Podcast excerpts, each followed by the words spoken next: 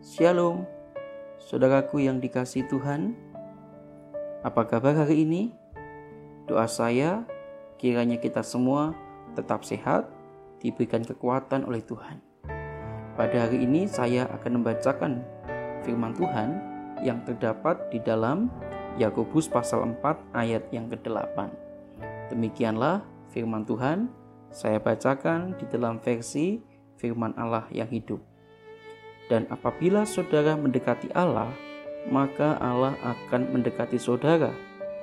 Basuhlah tangan saudara, hai orang berdosa. Penuhilah hati saudara hanya dengan Allah saja, untuk menjadikannya bersih dan setia kepadanya. Saudaraku yang dikasih Tuhan, tiga hari yang lalu saya mencermati sebuah situs online yang membahas tentang keluarga. Di situ ada beberapa penjelasan yang menarik perhatian saya. Salah satunya demikian. Secara umum, dalam sebuah hubungan termasuk relasi keluarga, situasi yang tidak sehat berakar dari permasalahan komunikasi. Komunikasi sangat menentukan dalam relasi jika komunikasi kita baik, maka relasi kita juga baik.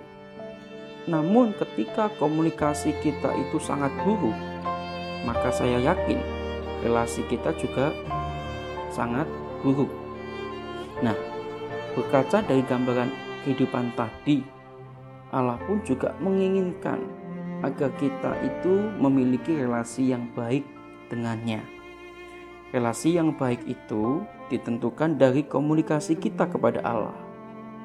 Ketika kita datang kepada Allah dan berdoa kepadanya dengan hati yang tulus, maka Allah akan mendengar doa kita dan menerangi kita, sehingga kita dapat memahami kehendak dan rencana Allah. Dari sini kita bisa melihat kesetiaan Tuhan dan ketulusannya tatkala kita dekat kepadanya dengan tulus. Nah, saudaraku yang dikasih Tuhan, selain itu kita perlu tahu bahwa Allah dapat melihat jauh ke dalam hati kita. Jadi, kita tidak boleh mendekati Tuhan dengan menggunakan kata-kata yang terdengar bagus, namun kita tidak jujur di hadapannya. Perilaku semacam ini adalah perilaku yang munafik dan sangat dibenci oleh Allah. Sebab itu, saudara, ketika kita mendekat kepada Tuhan, maka kita harus memiliki hati yang takut akan Dia. Tatkala kita berdoa kepadanya, harus dengan hati yang tulus, membagikan apa yang kita alami kepadanya sejujur-jujurnya. Saudaraku yang dikasih Tuhan, kapankah kita terakhir berdoa, mempercayakan sepenuhnya permasalahan kita kepada Allah? Di tengah zaman sulit saat ini, sudahkah kita dengan sungguh-sungguh datang pada Tuhan? Dan terakhir, saudara, kita perlu mengingat Tuhan melihat ketulusan kita.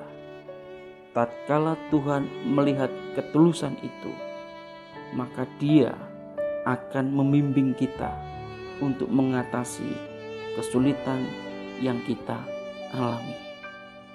Kiranya firman Tuhan hari ini memberkati kita.